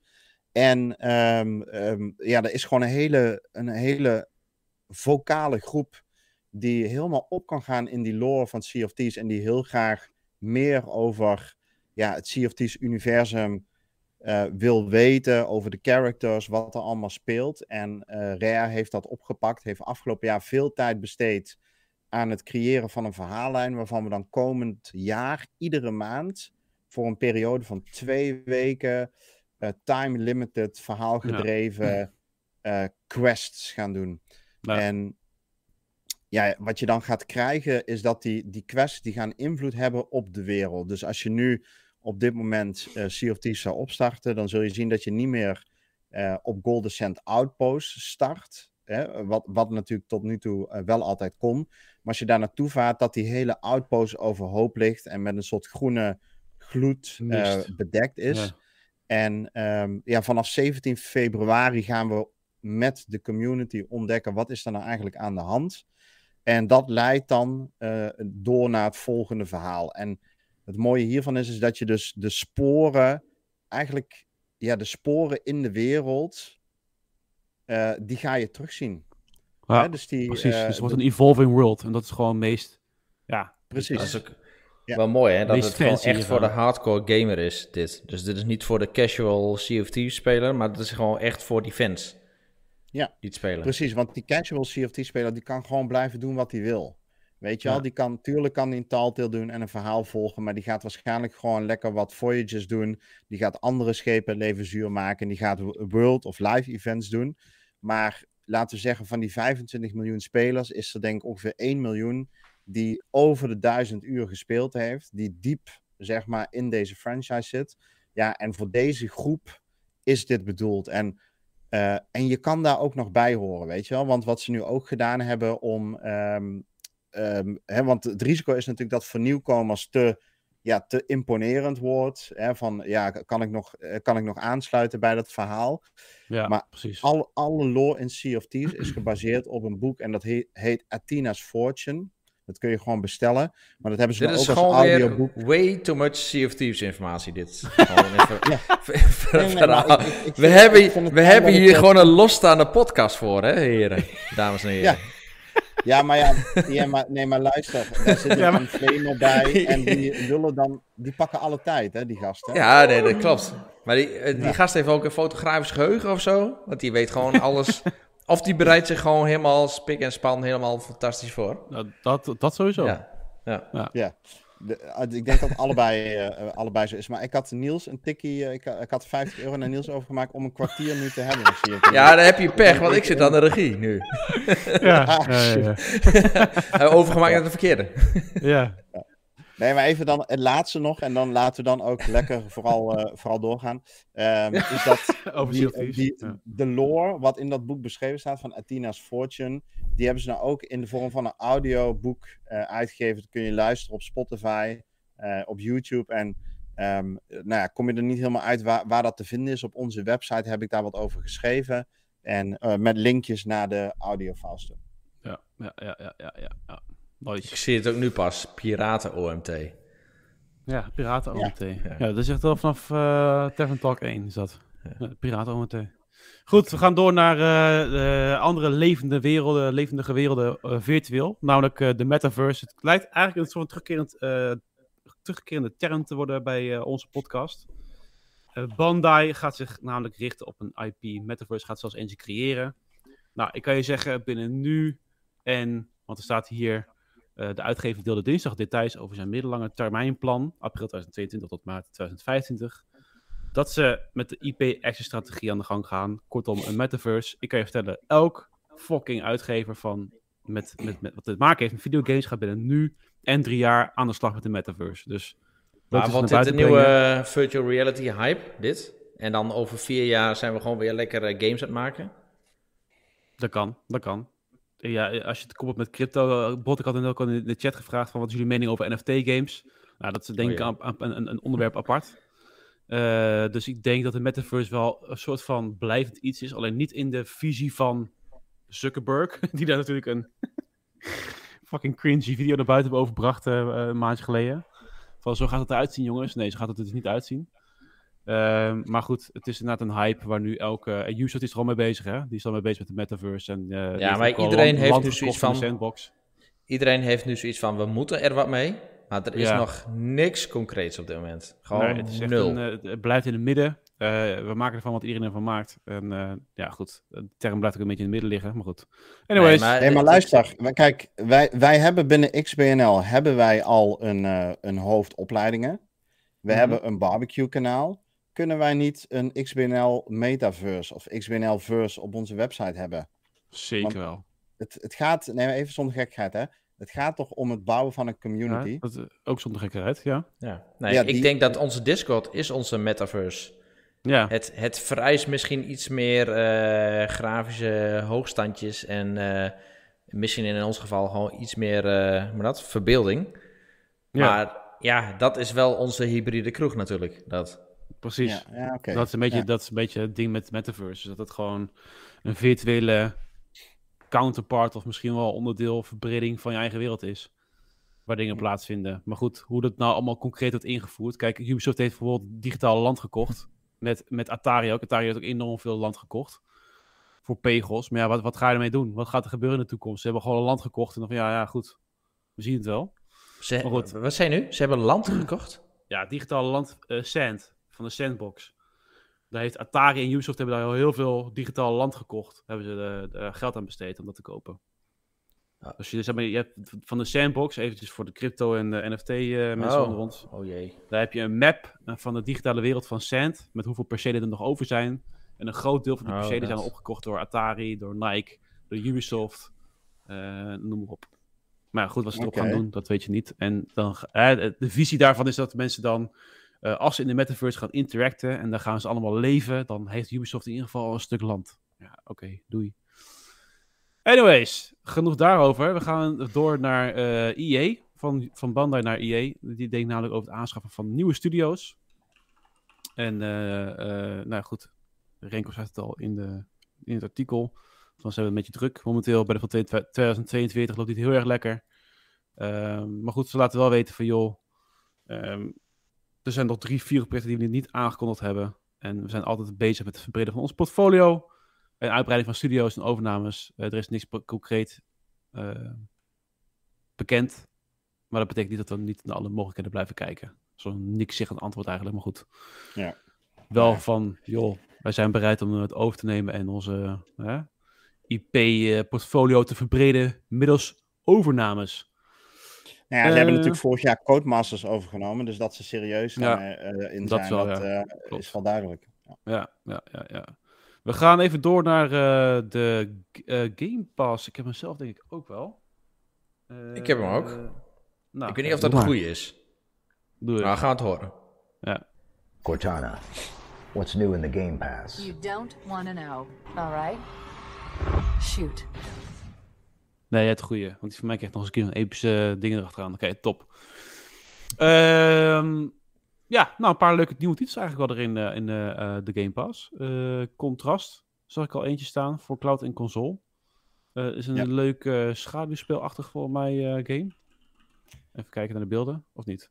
Of Ja, ja, is van de ontwikkelaars van We Happy Ja, Few. is een game uit ja. eh, 2014. Ik dacht eerst Ja. dat, het een, eh, dat ze die geremaked of geremasterd zouden hebben. Dus eh, ik was daar wel enthousiast over. Dus een, eh, Ja. Het is gewoon een hele mooie, Ja. intieme, kleine game. Dat is een schouderspel. Ja. Erg leuk en eh, mooie stijl om te zien. Je hebt, eh, nou goed, we gaan ze even allemaal langs. Je hebt Dreamscaper, geen vakflauw idee wat dat is. Eh, moet je maar even kijken. Zat Ik, geen titel ik zit hem even erbij te zoeken, maar ik kan hem niet vinden. Dus eh lul lekker door. Te zoeken. nou ja, Telling Lies, dat is een onderzoeksthriller met een non-lineaire verhaallijn. En eh, dat is volgens mij zo'n game met video's, toch? Ja, dat is echt zo'n eh FNV. Dus Ja, eh, precies. ik heb hem Ja. gespeeld een jaar geleden. En ik, je- bij die FNV's is het, eh, ehm, nou echt de topgames ben ik daar nog niet aan tegengekomen. Ehm, maar het is wel mis of oké. En dit valt in de categorie oké voor mij. Oké. Best leuk verhaal en je moet, ja, je moet een, een mysterie ontrafelen. Ja. En, eh, en dat doe je door allerlei interviews te doen met eh, gewoon acteurs. En ehm, die geven steeds wel meer informatie. En dat werkt best goed. Ik vond deze game echt een van de betere van deze uitgever ook. Nice. Dus mensen die eh, daar fan van zijn van dat soort games, de ga je gang. Besiege is een game, een bouwgame, waar je oorlogsmachines bouwt. Crossfire X dan, even zo meteen even over. Edge of Eternity. Zag er heel erg leuk uit, Edge of Eternity. Met je, ja, ik weet niet, ik kan er niet op de naam komen, maar goed. Ziet er wel leuk uit. Ehm, XCOM? Nee, niet XCOM, Oké. Edge of Eternity. Laat maar dan. Eh, Tales of Arise, maar dan met een andere stijl zit, Mm. denk ik. Ja, Ja, het anyways. is wel turn-based, hè? Ja. Ja, dat wel, ja. Maar niet XCOM turn-based-achtig. Mensen die nu de podcast luisteren, denken echt, wat de fuck is dit? Trouwens, als je de podcast luistert, denk ik van, ik wil het gewoon een keer zien. Je kan altijd naar onze YouTube, hè. Daar staat onze podcast in een soort podcast eh, vorm online. En je kan natuurlijk elke vrijdagavond, met uitzondering van een paar avonden in de maand, of zo nu en dan, vrijdagavond 9 uur op Twitch, dan zetten we onze podcast uit met daarin de beelden van de trailers die we bespreken en noem maar op. Goed, Skull, The Hero Slayer, The Last Kids on Earth en The Staff of Doom. Oké, wauw. Ark zit erin. Ark Ultimate Survivor Edition. is wel leuk. Die eh. Is voor mij weer terug in de Game Pass. Voor mij is die al een keer in de Game Pass geweest. En eh, nu heeft hij de definitieve collectie. En Infernax. Infernax vertelt de avonturen van een grote ridder die terugkeert naar zijn thuisland. Alleen om het getijzer te vinden met duistere magie. Tun, tun, tun. Ja, Crossfire Ja. X. Jeff, je had daar een mening over. Of niet? Eh, nou, ik heb het niet zelf gespeeld, maar ik heb die beta heb ik toen gedaan. En eh, volgens mij heb jij je hebt er een poll uit gedaan, toch, Rick? Ja, oh, de goeie. Ja, ja Ehm, want da- daar ben nee. ik wel benieuwd naar. Want eh, mijn bevinding, ik moet hem nu dus nu nog spelen. En ik ben benieuwd of ze dat hele meuk hebben gefixt. ik het zeggen, want, dat was een eh, drama, toch? Ja, met die, die beta, ik weet niet waarom dat nog een beta was. Want dat speelde echt voor geen ene meter. Ja. Want eh, die Nee, hele nou ja, controls de- die waren de- gewoon half verlept of zo. Dat, dat klopte voor geen meter. Ja. Dus ik ben benieuwd of het nu beter is. Ja, sorry Rick. Go. Nee, nee, nee, ik onderbrak jou. Maar eh, nee, de- ja, goed. Ik, ik heb hem zelf ook niet gespeeld, maar de poll is echt wel vrij duidelijk. 73% zegt van eh, het is slecht of eh, in ieder geval matig. Dat waren dan twee keuzeopties. Dus er is maar een relatief klein deel wat zegt van nou, dit, dit, zou ik, dit zou ik aanbevelen om te spelen. En als ik dan kijk naar de comments onder, onder die poll, ja, die zijn niet enthousiast. Dog shit, it's bad, very bad, terrible. Oké, gewoon gelijk zo extreem. Maar Ja. zeggen ze nog wat eh, over zeg maar, het verschil tussen singleplayer en multiplayer? Want eh, ik neem aan dat beide nu uit zijn. Ehm Want het is, nee, het is een hele niet. vaag, hè? Kijk, Crossfire X is al best wel lang op de PC. En daar is het ook al een eh, grote hit. En dat heeft er ook mee te maken dat het een beetje de Call... Nee, niet de Call of Duty. De Counter-Strike gameplay heeft. Dus het is een beetje verouderd. Maar dat is echt de multiplayer kant. Ze hebben, nu hebben ze bepaald van... We gaan er ook een singleplayer gaan maken. En die singleplayer die wordt helemaal los ontwikkeld. Volgens mij door eh, Remedy ook. Dus dat is Ja, ook geen... door een remedy.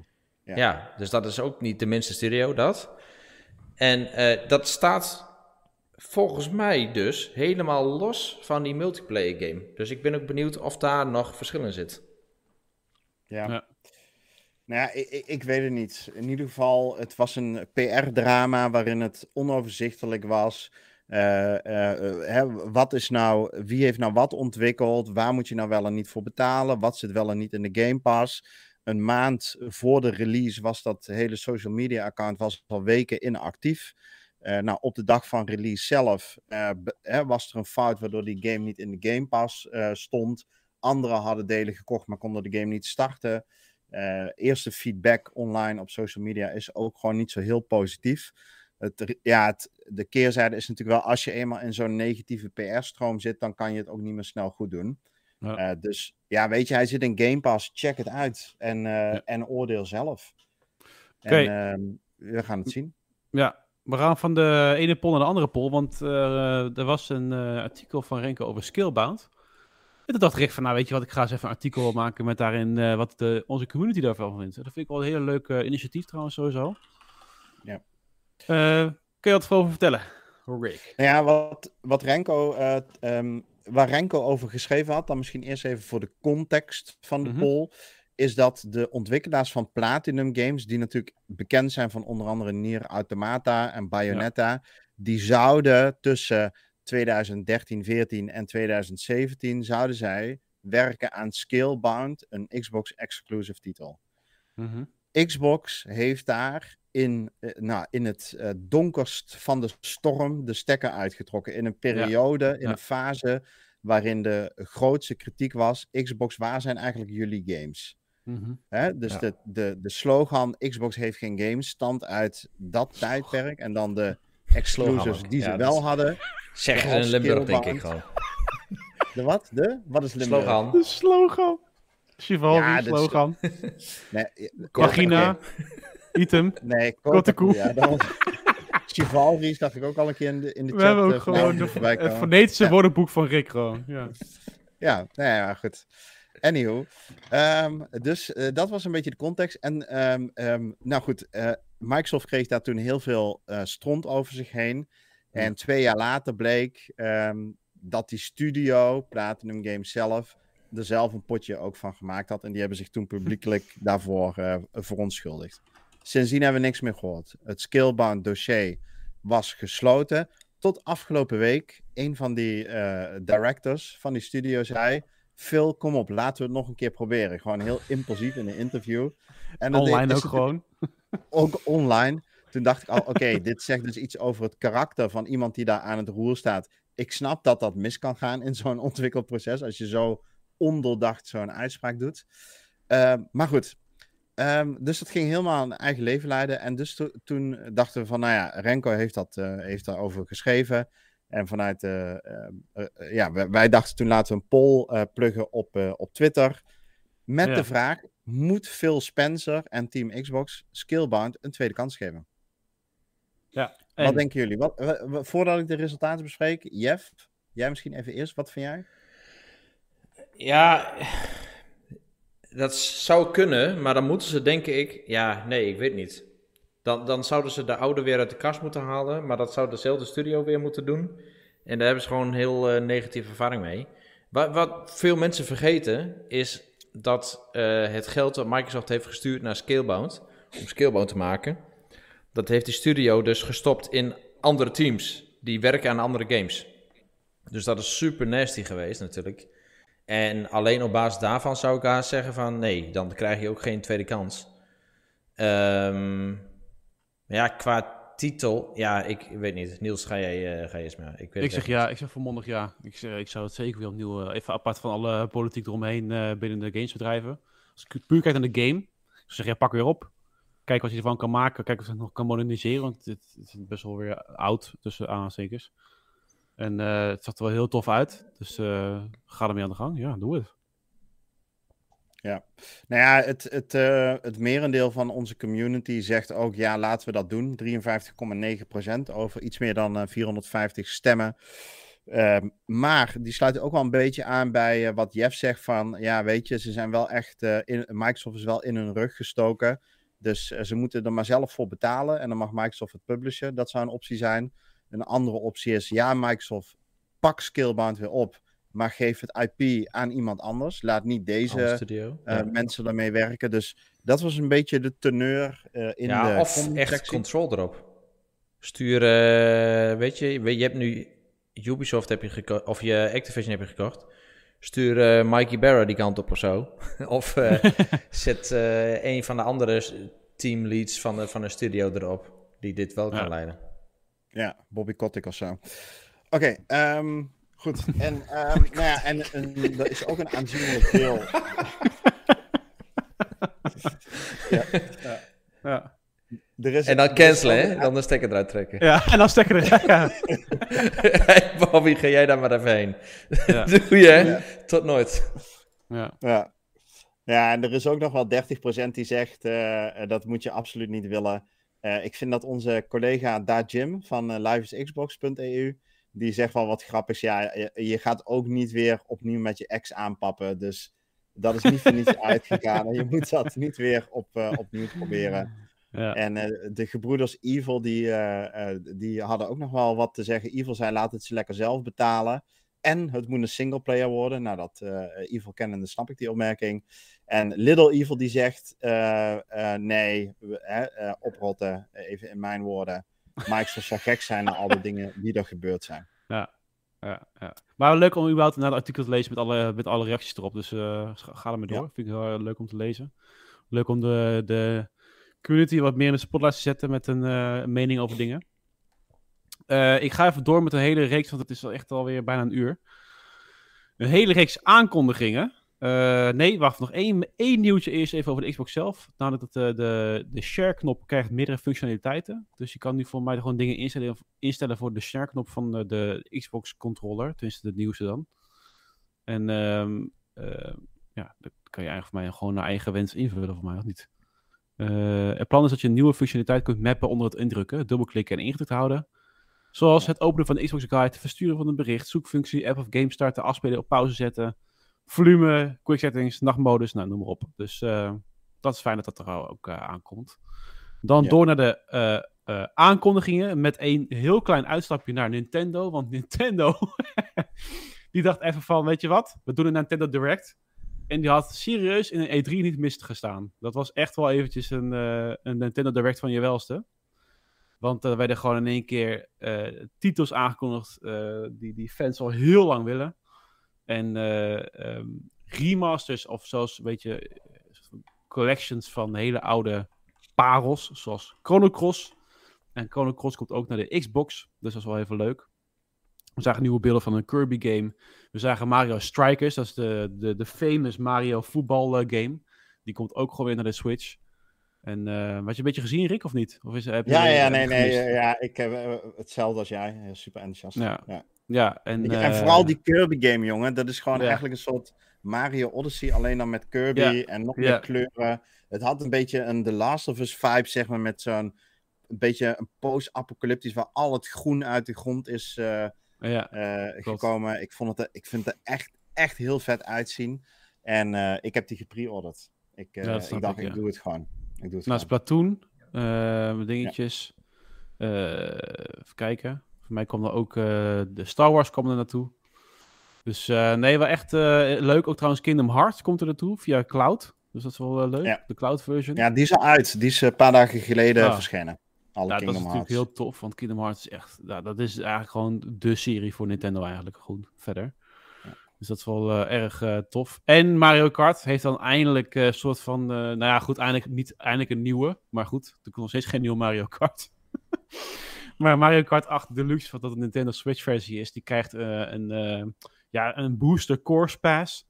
En eh, dan gaan ze tot en met eind 2023 gaan ze elke keer in waves gaan ze nieuwe levels toevoegen aan Mario Kart. Wat natuurlijk super tof is, want ze gaan echt, echt vanaf de Nintendo 64 tot aan nu gaan ze alle maps gaan ze gewoon eigenlijk voor die game beschikbaar stellen. Dus ja, uit nostalgie komt natuurlijk fantastische remake, remakes van maps tussen te staan. En eh, dat is wel leuk. En dan 48 is stuks, hè?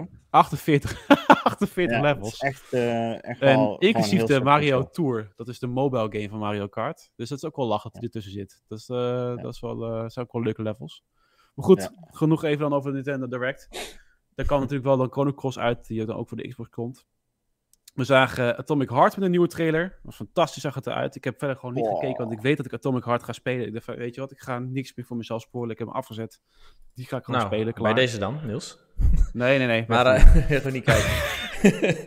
nou, Ja. het, het, het, het is een hele rare, hè, deze game. En eh, hij is ook aangekondigd direct met een release date. Of een date, eh, Nee. een richtlijn eigenlijk. Richtlijn, ja. Eh, dat hij In een burmaand uitkomt. Ja, in een burmaand, inderdaad. Een, Ja. een maand wat eindigt op bur. Eh, en Ja. dit jaar ook. ja. Dus hij komt dit Van jaar wel September, aan. oktober, november, december. Nu is Ja, de vraag, Niels. Ja. Is dit een GOTY contender? Ja, ik denk het wel. Ehm, ik, eh, eh, wat, wat opvalt in deze trailer is dat er gewoon een stuk meer verhaal bij komt kijken. Wat mij aangenaam verrast. Want dat miste ik een beetje in de voorgaande trailers. Het zag er al fantastisch goed uit. Surrealistisch. Eh, maar nu komt er echt een heel verhaal bij kijken. En dat was het enige wat nog nodig was om het echt een goede inderdaad GOTY contender te laten worden. Ja, deze game, jongens, ik krijg daar hele goede vibes bij. Ik dacht van, goh man. Dit kan zomaar echt even eentje die onder de radar is gevlogen. Ja. Die dan in één keer uitkomt en met een fantastische game komt. Dus eh, ja. Maar het is ook een eh, hele mysterieuze studio wat erachter Ah, zit. joh, hè? het- het- Er, zit, voor mij wordt het echt fantastisch. Er zitten een paar eh, heavy insiders, of eh, een paar eh, eh, grote sleutelfiguren uit de industrie van grote Mhm. studio's. Die hebben met elkaar deze studio begonnen. En wie er verder aan meewerkt, niemand die het weet. Ze doen Ja. er zelf ook super vaag over, maar het ziet er echt bizar goed uit. Het ziet er en zo dit is goed gewoon uit. echt triple E of quadruple E-achtig ziet dit eruit. Ja, ja, maar ook gewoon inderdaad hoe, die game, hoe de wereld is gemaakt. En dat die, je voelt dat het gewoon een, ja, ik weet niet, dat het gewoon een volle wereld is met een eigen verhaal, weet je wel. Ja. En eh, ja, dus ik, eh, ja, ik ben er echt heel erg naar benieuwd. Het ziet er heel leuk uit. Ehm, Zorro, The Chronicles. ja, nobody gives Oh a jee. fuck. Ja, ik, heb vroeger van Zorro wel gekeken. Ook de, de oudere, va- van de jaren 70 variant is dat. En eh, nu komt er een soort van, ja, het is een soort Disney variant van, Disney, van Zorro komt er nou uit. Het is echt een beetje een, ik weet niet op welke, op welke genre ik het moet gooien, maar beetje platformachtige Zorro eh, komt er nu uit.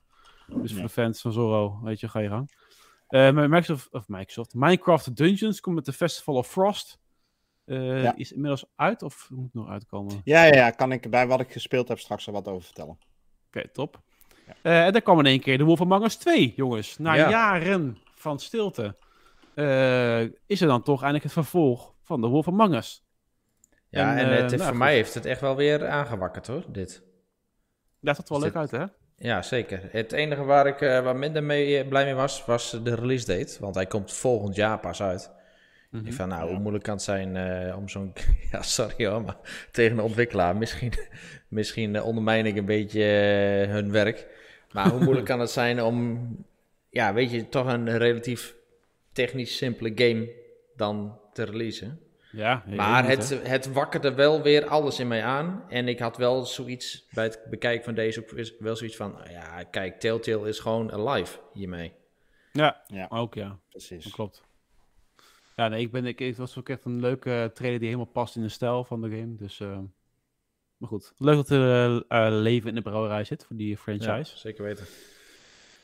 Maar mag Goed. ik nog eentje noemen, Niels? Want die hadden we, had nog- hadden we nog niet op de website kunnen zetten. Maar dat zou wel eens mijn indie goatee van dit jaar kunnen worden. En Ja. die komt al op, eh, moet ik het even goed zeggen, 10 maart uit. En dat is RPG Time, The Legend of Ride. Oh jee. Eh, Oh, had dit weekend niet? Wat zei je? Net ook een keer over gehad, volgens mij, of niet? Legend of Right. Maar goed, ga verder. Nee, daar hebben we het niet over gehad. En dat, eh, daar moeten we ook nog een artikel van maken. Maar die heeft vandaag een release datum gekregen, namelijk eh, 10 maart. Eh, plus een story trailer. En dat is een beetje zo'n soort artbook-achtige game. Papercrafted art, artbook. Oh ja, ik zie En het. ehm, ja, dit, dit ja, jongen, hier ga ik echt heel erg goed op. Dat weet ik nu al. Eh, nat- natuurlijk moet ik hem nog spelen. Maar eh, ja, hier word ik heel enthousiast van. Is volgens mij ook een Xbox exclusive. Komt in de Game Pass op dag 1. En ehm, ja, dit wordt een leuke game. Vet. Ja, leuk. Ja. Leuk, heel leuk. Goed. te zien trouwens voor de mensen die luisteren. Inderdaad, gewoon eh, handgetekende schetsgame, een beetje. Ja. Een leuke, Ja, leuke stijl. Fancy.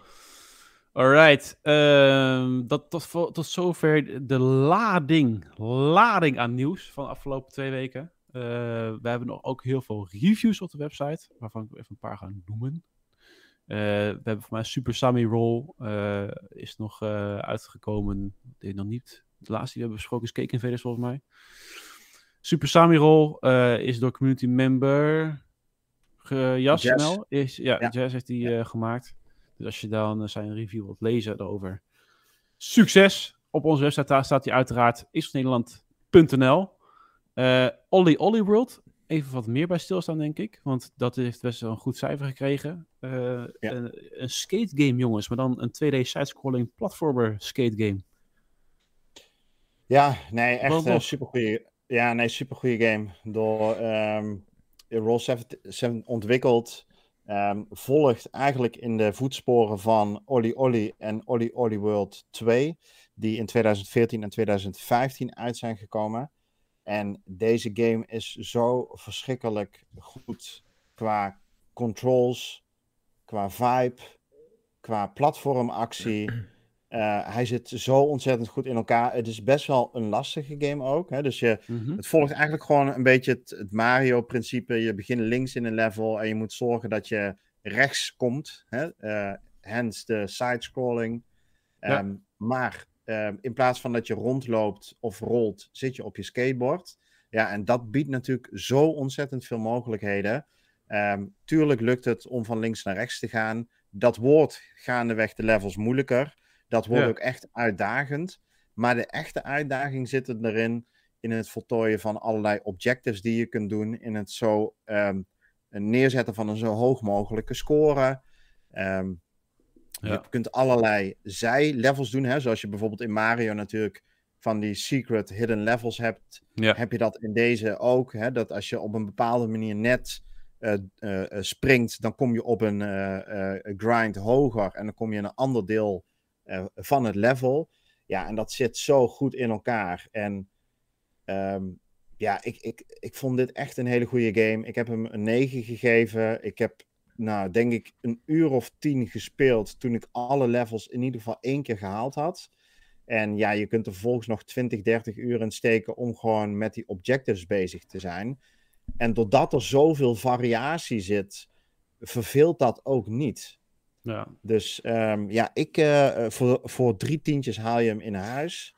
eh, de base game. En ik kan hem echt iedereen aanraden. Wacht niet totdat hij in game. Ja, je mag natuurlijk wachten totdat hij misschien een keer in Game Pass komt. Maar dit is echt je geld en tijd meer dan waard. En ja, ik hoop, dat die, ik hoop niet dat hij ondersneeuwt in het februari geweld. Met eh, alle toppers die deze maand uitkomen.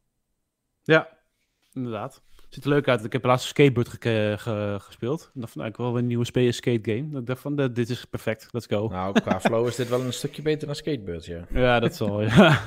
Goed, dan komen we bij de befaamde Dead Tree of Ranchuna. Eh van onze geliefde Demas, die hem heeft eh, gereviewd. En eh, Ja. nou ja, daar was eh bijster enthousiast over, eh, Ja. over deze game. ja, Maar ja, laten we geen tijd aan deze game verder besteden. Hij heeft hem een 3 gegeven en het is gewoon eh, Ja. eh, eh, het is a waste of time. ja, dus als je dat wil lezen waarom het een 3 is, ga dan zeker naar onze website isnederland.nl. dat, dan, dat is dan weer wel de moeite waard om dat te lezen. Dus, maar daar, dat, zou ik het ook bij laten. Ja, en dan Gewoon komen we bij de grootste eigenlijk. de grootste review van deze maand, naast zometeen misschien wel Elden Ring. Dying Light 2. Na jaren uitstel, eindelijk is hij er, Dying Light 2. Wat vinden we ervan? Rick, jij hebt voor mij al aardig een paar uurtjes in zitten. En eh, misschien ook al gelijk onderdeel van je wat spelen deze week, maar goed in ieder geval. Ik zou zeggen, Ja, brand eventjes los hierover. dan combineer ik dat gewoon. Ik ben echt, ja, het lijkt nou alsof ik over alles enthousiast, enthousiast ben, maar Ja, ik kan toch niet, ben joh. hier heel, ja, ja, alles is een eh, please, 9 hè? of 10.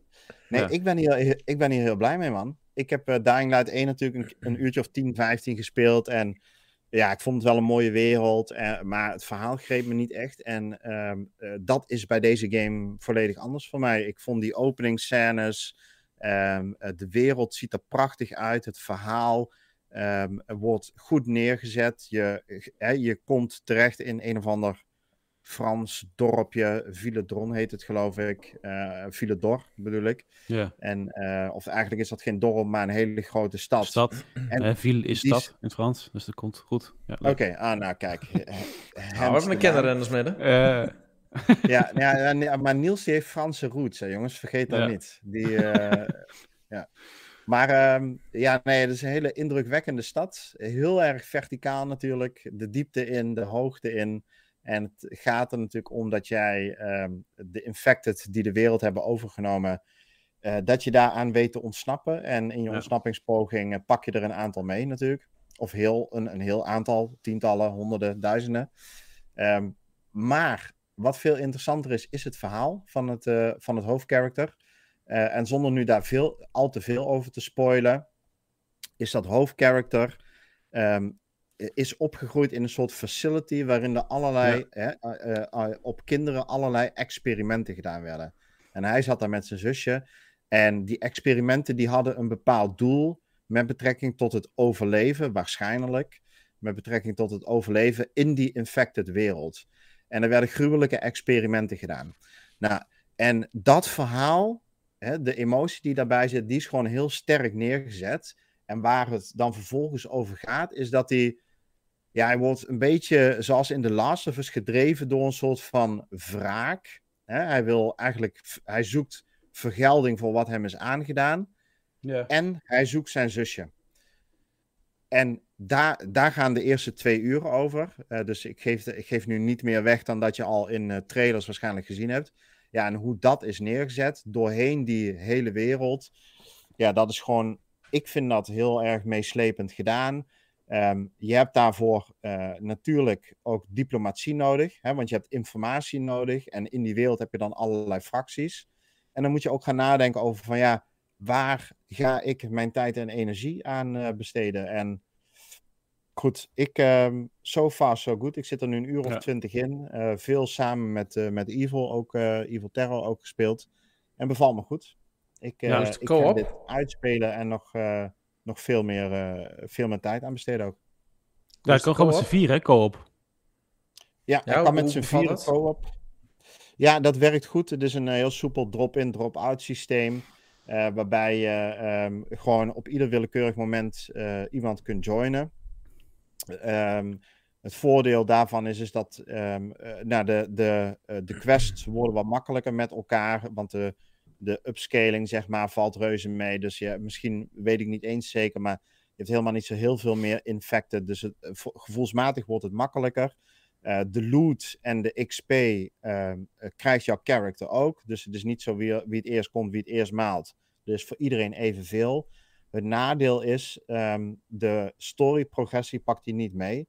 Dus je doet het dan echt alleen voor de gezelligheid, voor het exploreren en de eh, player of character progressie, Ja. maar niet voor de story progressie. Ja, wapens en zo wat je vindt, dat hou je wel dan.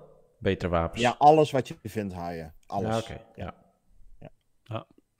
Top. Ja, ik heb ik, twee uur erin zitten nu, ja, vertel. Nou goed, ik wou nog zeggen, daar zit wel. Kijk, eh, Martin eh, zegt terecht in de, eh, in de chat.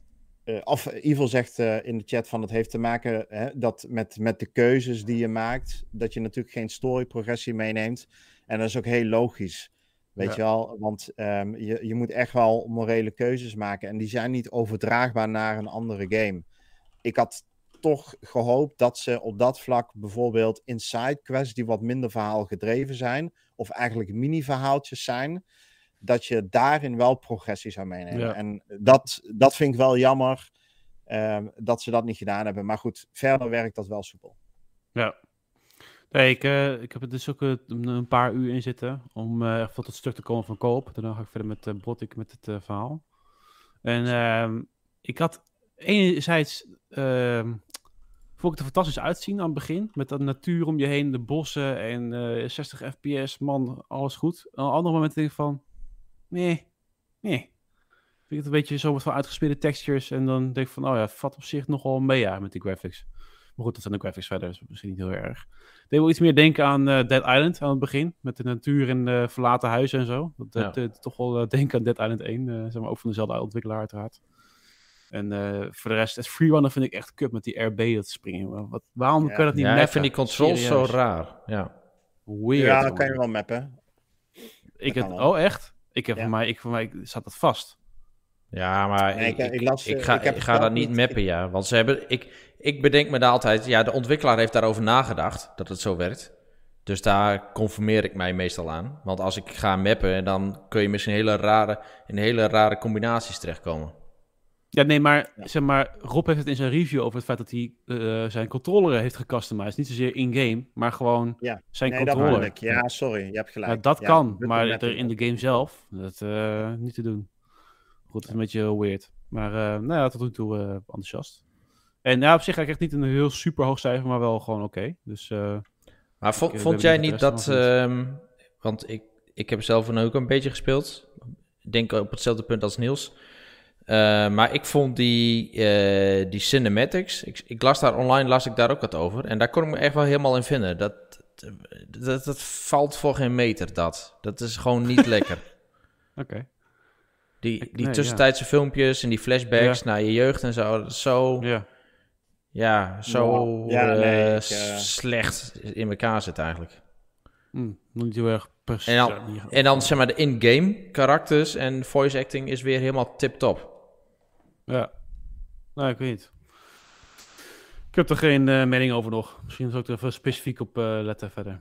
Maar goed, tot zover de gouden stad van hè, Ville d'Or van eh Dying Light 2. Ik ben benieuwd naar de rest van de game en de, de 500 uur gameplay. Zijn we eindelijk, eindelijk aangekomen bij onze, wat we eigenlijk nog verder gaan uitbreiden dan met wat we zelf gespeeld hebben deze week. Dus gooi de tune er maar in. Dat. Maar goed, genoeg om te horen dat er een andere goal is. Eh Jeff, zegt de jongen. Ja, ehm, ja, ook deze games eigenlijk. Dus ik heb een beetje eh, Olly Olly World, wat mij heel erg bevalt, gespeeld. Lekkere flow, echt heerlijk dit. Ik, dit, kun je, dit kun je ook multiplayer doen, of niet? Ja, nee, alleen in de vorm van leaderboards. Ah, Hm. oké. Ja, Ik dacht dat ik met twee, dat, eh, dat ik twee spelers tegelijkertijd zag in- ergens in een filmpje. Maar eh zal wel mij Oh, nou, dat...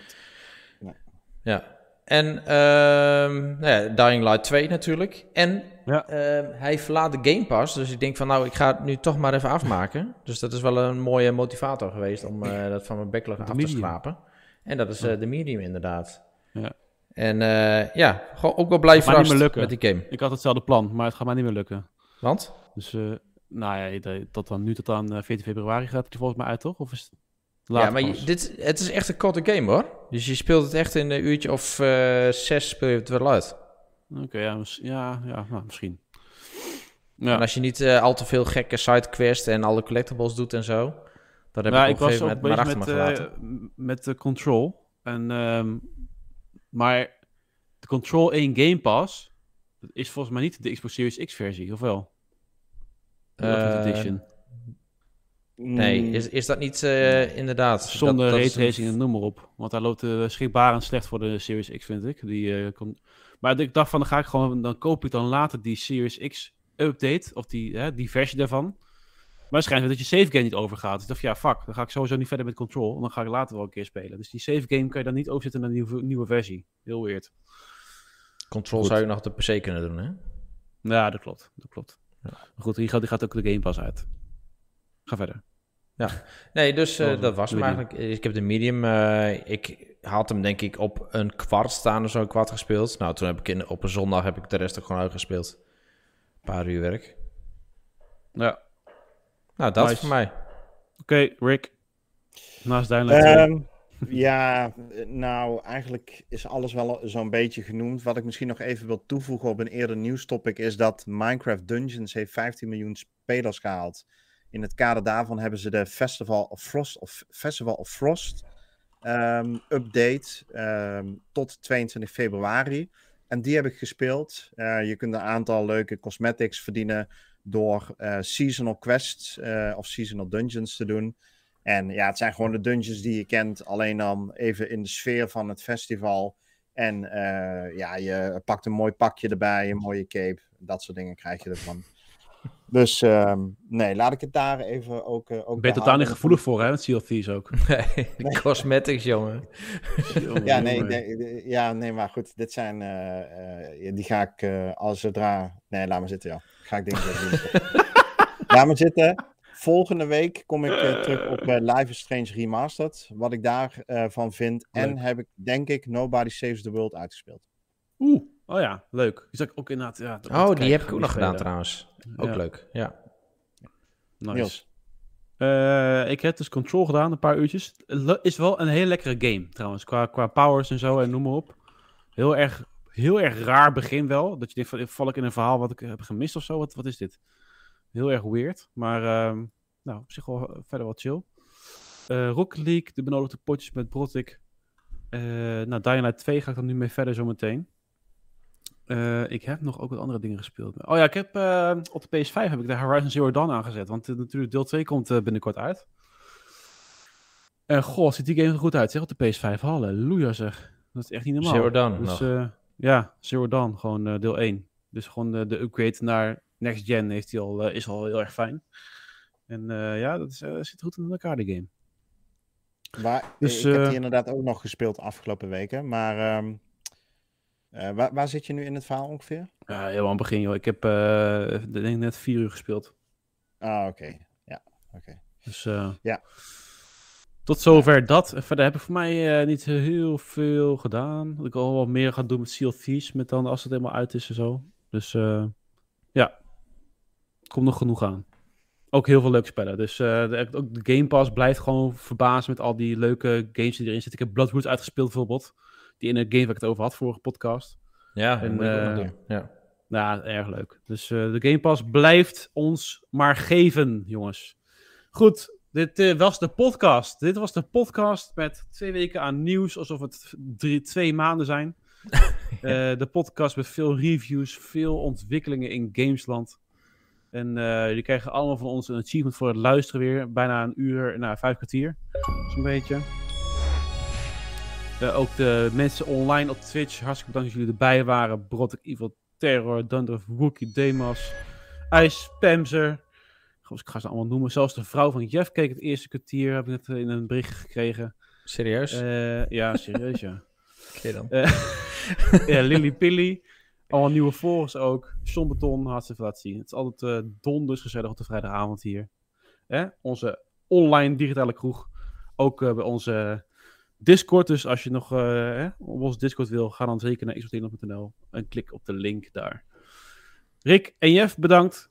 En eh, iedereen een heel fijn game weekend gewenst. En tot een volgende keer. Bye bye.